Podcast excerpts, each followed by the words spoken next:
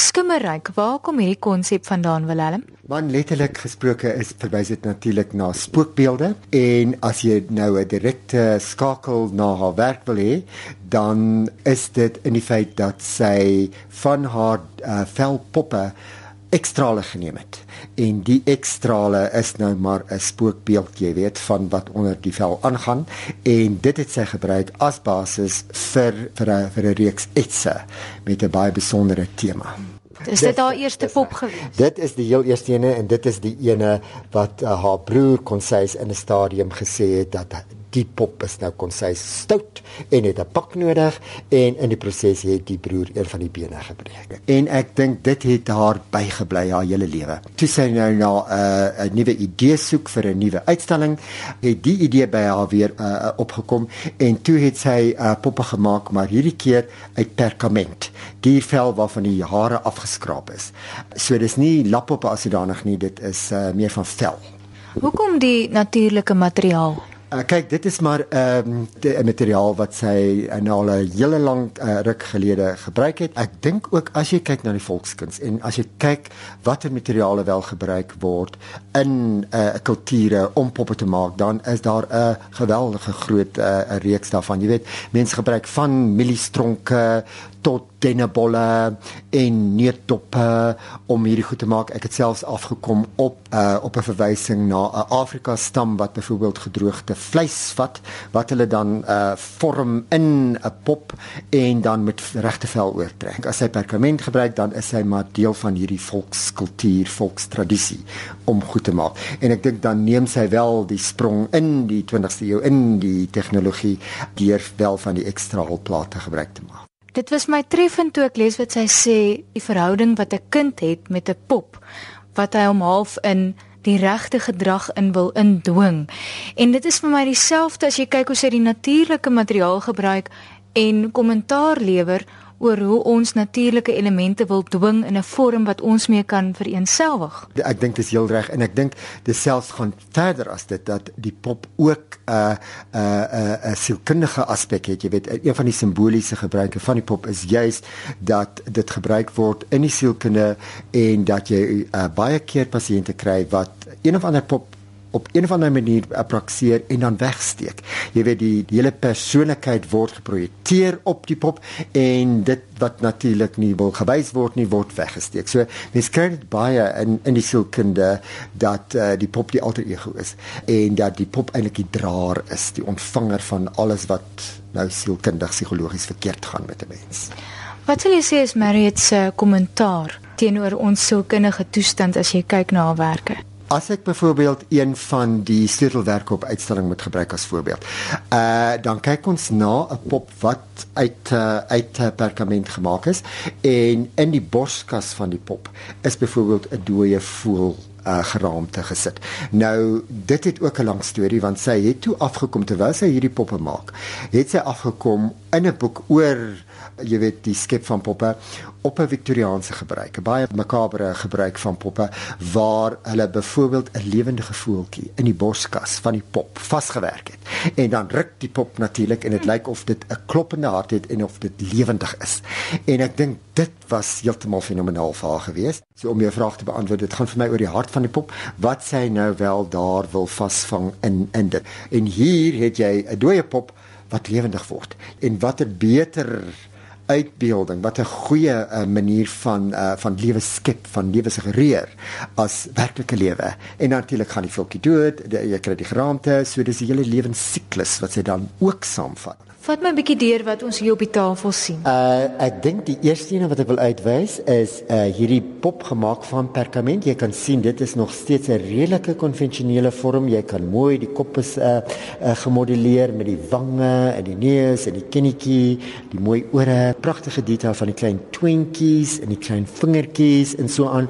Maar as jy mooi kyk dan sien jy sien die borskas is oop en hier uitpeel die karkas van 'n dooie voeltjie byvoorbeeld. En die klein model wat lang langs om lê? Uh, volgens Rosemary kon hierdie net sowel in die plek van die voeltjie gewees het. Jy weet so, dit is 'n uh, tipe fetus en soos jy kan sien is opgekrul in die fetusposisie en so aan met klein oogies van buiteruimtelike wesens en so aan en partykeer sê sy sit sy self hierdie pop in die borskas.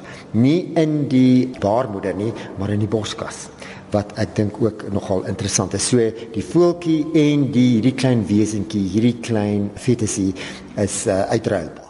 En as ons kyk na die ander simboliek op die tafel? Uh ons kyk hier na 'n gevlegte uh, doringkrans of doringkroon as jy wil uit uh, kameeldoring.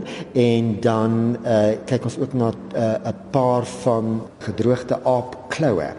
Wat sy byvoorbeeld hiermee gemaak het in die ets is dat dit is so al asof die twee handjies, die twee kloue op kloue, mense net as jy so 'n verbaasde uitdrukking het of uh, geweldig geaffekteer is met iemand, jy weet net sê o my maggies, jy weet, uh, en ek dink dit is wat uh, wat hier aangaan. Jy weet daai skok, die verwondering ek dink word hierdeur gesuggereer. Ja, en die kruis in die hande simboliseer ook die kruisiging. Dis reg, dis reg. Sekerlik, so dit gaan dit is ook deel van die offerande waarvan ek voor gepraat het. Jy weet, hierdie poppe is op 'n manier omdat hulle op hierdie plat altaar tipe van 'n oppervlakte geplaas word en ek dink op dieselfde manier kry jy ook Jesus wat geoffer is. Willem, nou is ons hier by poppe wat regop staan. Is ons besig om na 'n progressie te kyk? Dis reg.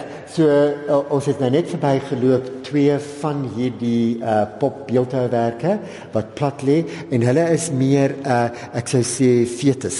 Jy know, hulle is nog in die fetus, hulle is opgekrul, die arms in mekaar getrek, die beentjies en so aan en hier is hulle nou regop. Nou 'n uh, ander interessantheid is toe Rosemary se kleinseun byvoorbeeld hierdie sien. Uh toe sê hy hulle lyk soos wesens uit die uit die hemelruim uit. Is die koppe wat gemaak is uit skrotums waarvan jy gepraat het? Jy kan dit nou baie duidelik sien. Dit lyk amper soos maskers. Op 'n ja. manier lyk dit soos maskers en dan party van hulle het selfs 'n bietjie skimmel hierso op aan die een kant byvoorbeeld en partykeer jy weet dan in plaas van die korrekte titel skimmerryk sê ek skimmelryk en ek dink dit is omdat ek verwys na hierdie mif hierdie bietjie skim en bietjie mif wat hierdie aan die een kant al begin groei. So alhoewel dit dood is, is daar tog iets wat nog aan die lewe is en lewendig bly.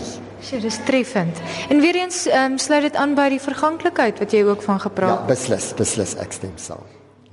Goed, as ons kyk na die ekstra tegniek wat sy gebruik het. Na die ekstra plaat, dan word dit deur 'n fotolitografiese proses uh gebrand op 'n uh, plaat. Nou gewoonlik word 'n uh, etsplaat gebruik. 'n Etsplaat is gewoonlik metaal, dit is of koper of sink, maar in hierdie geval is dit 'n uh, tipe van 'n harde plastiek. Dit is soos perspex. Uh en dan word dit hierin geets en as jy nou mooi kyk, dan sal jy die uh die beeld sien wat hier uitkom. Uh en dan word die ink hierin gerol. Die plaat word dan baie skoon gemaak sodat net die ink in die groefies agterbly.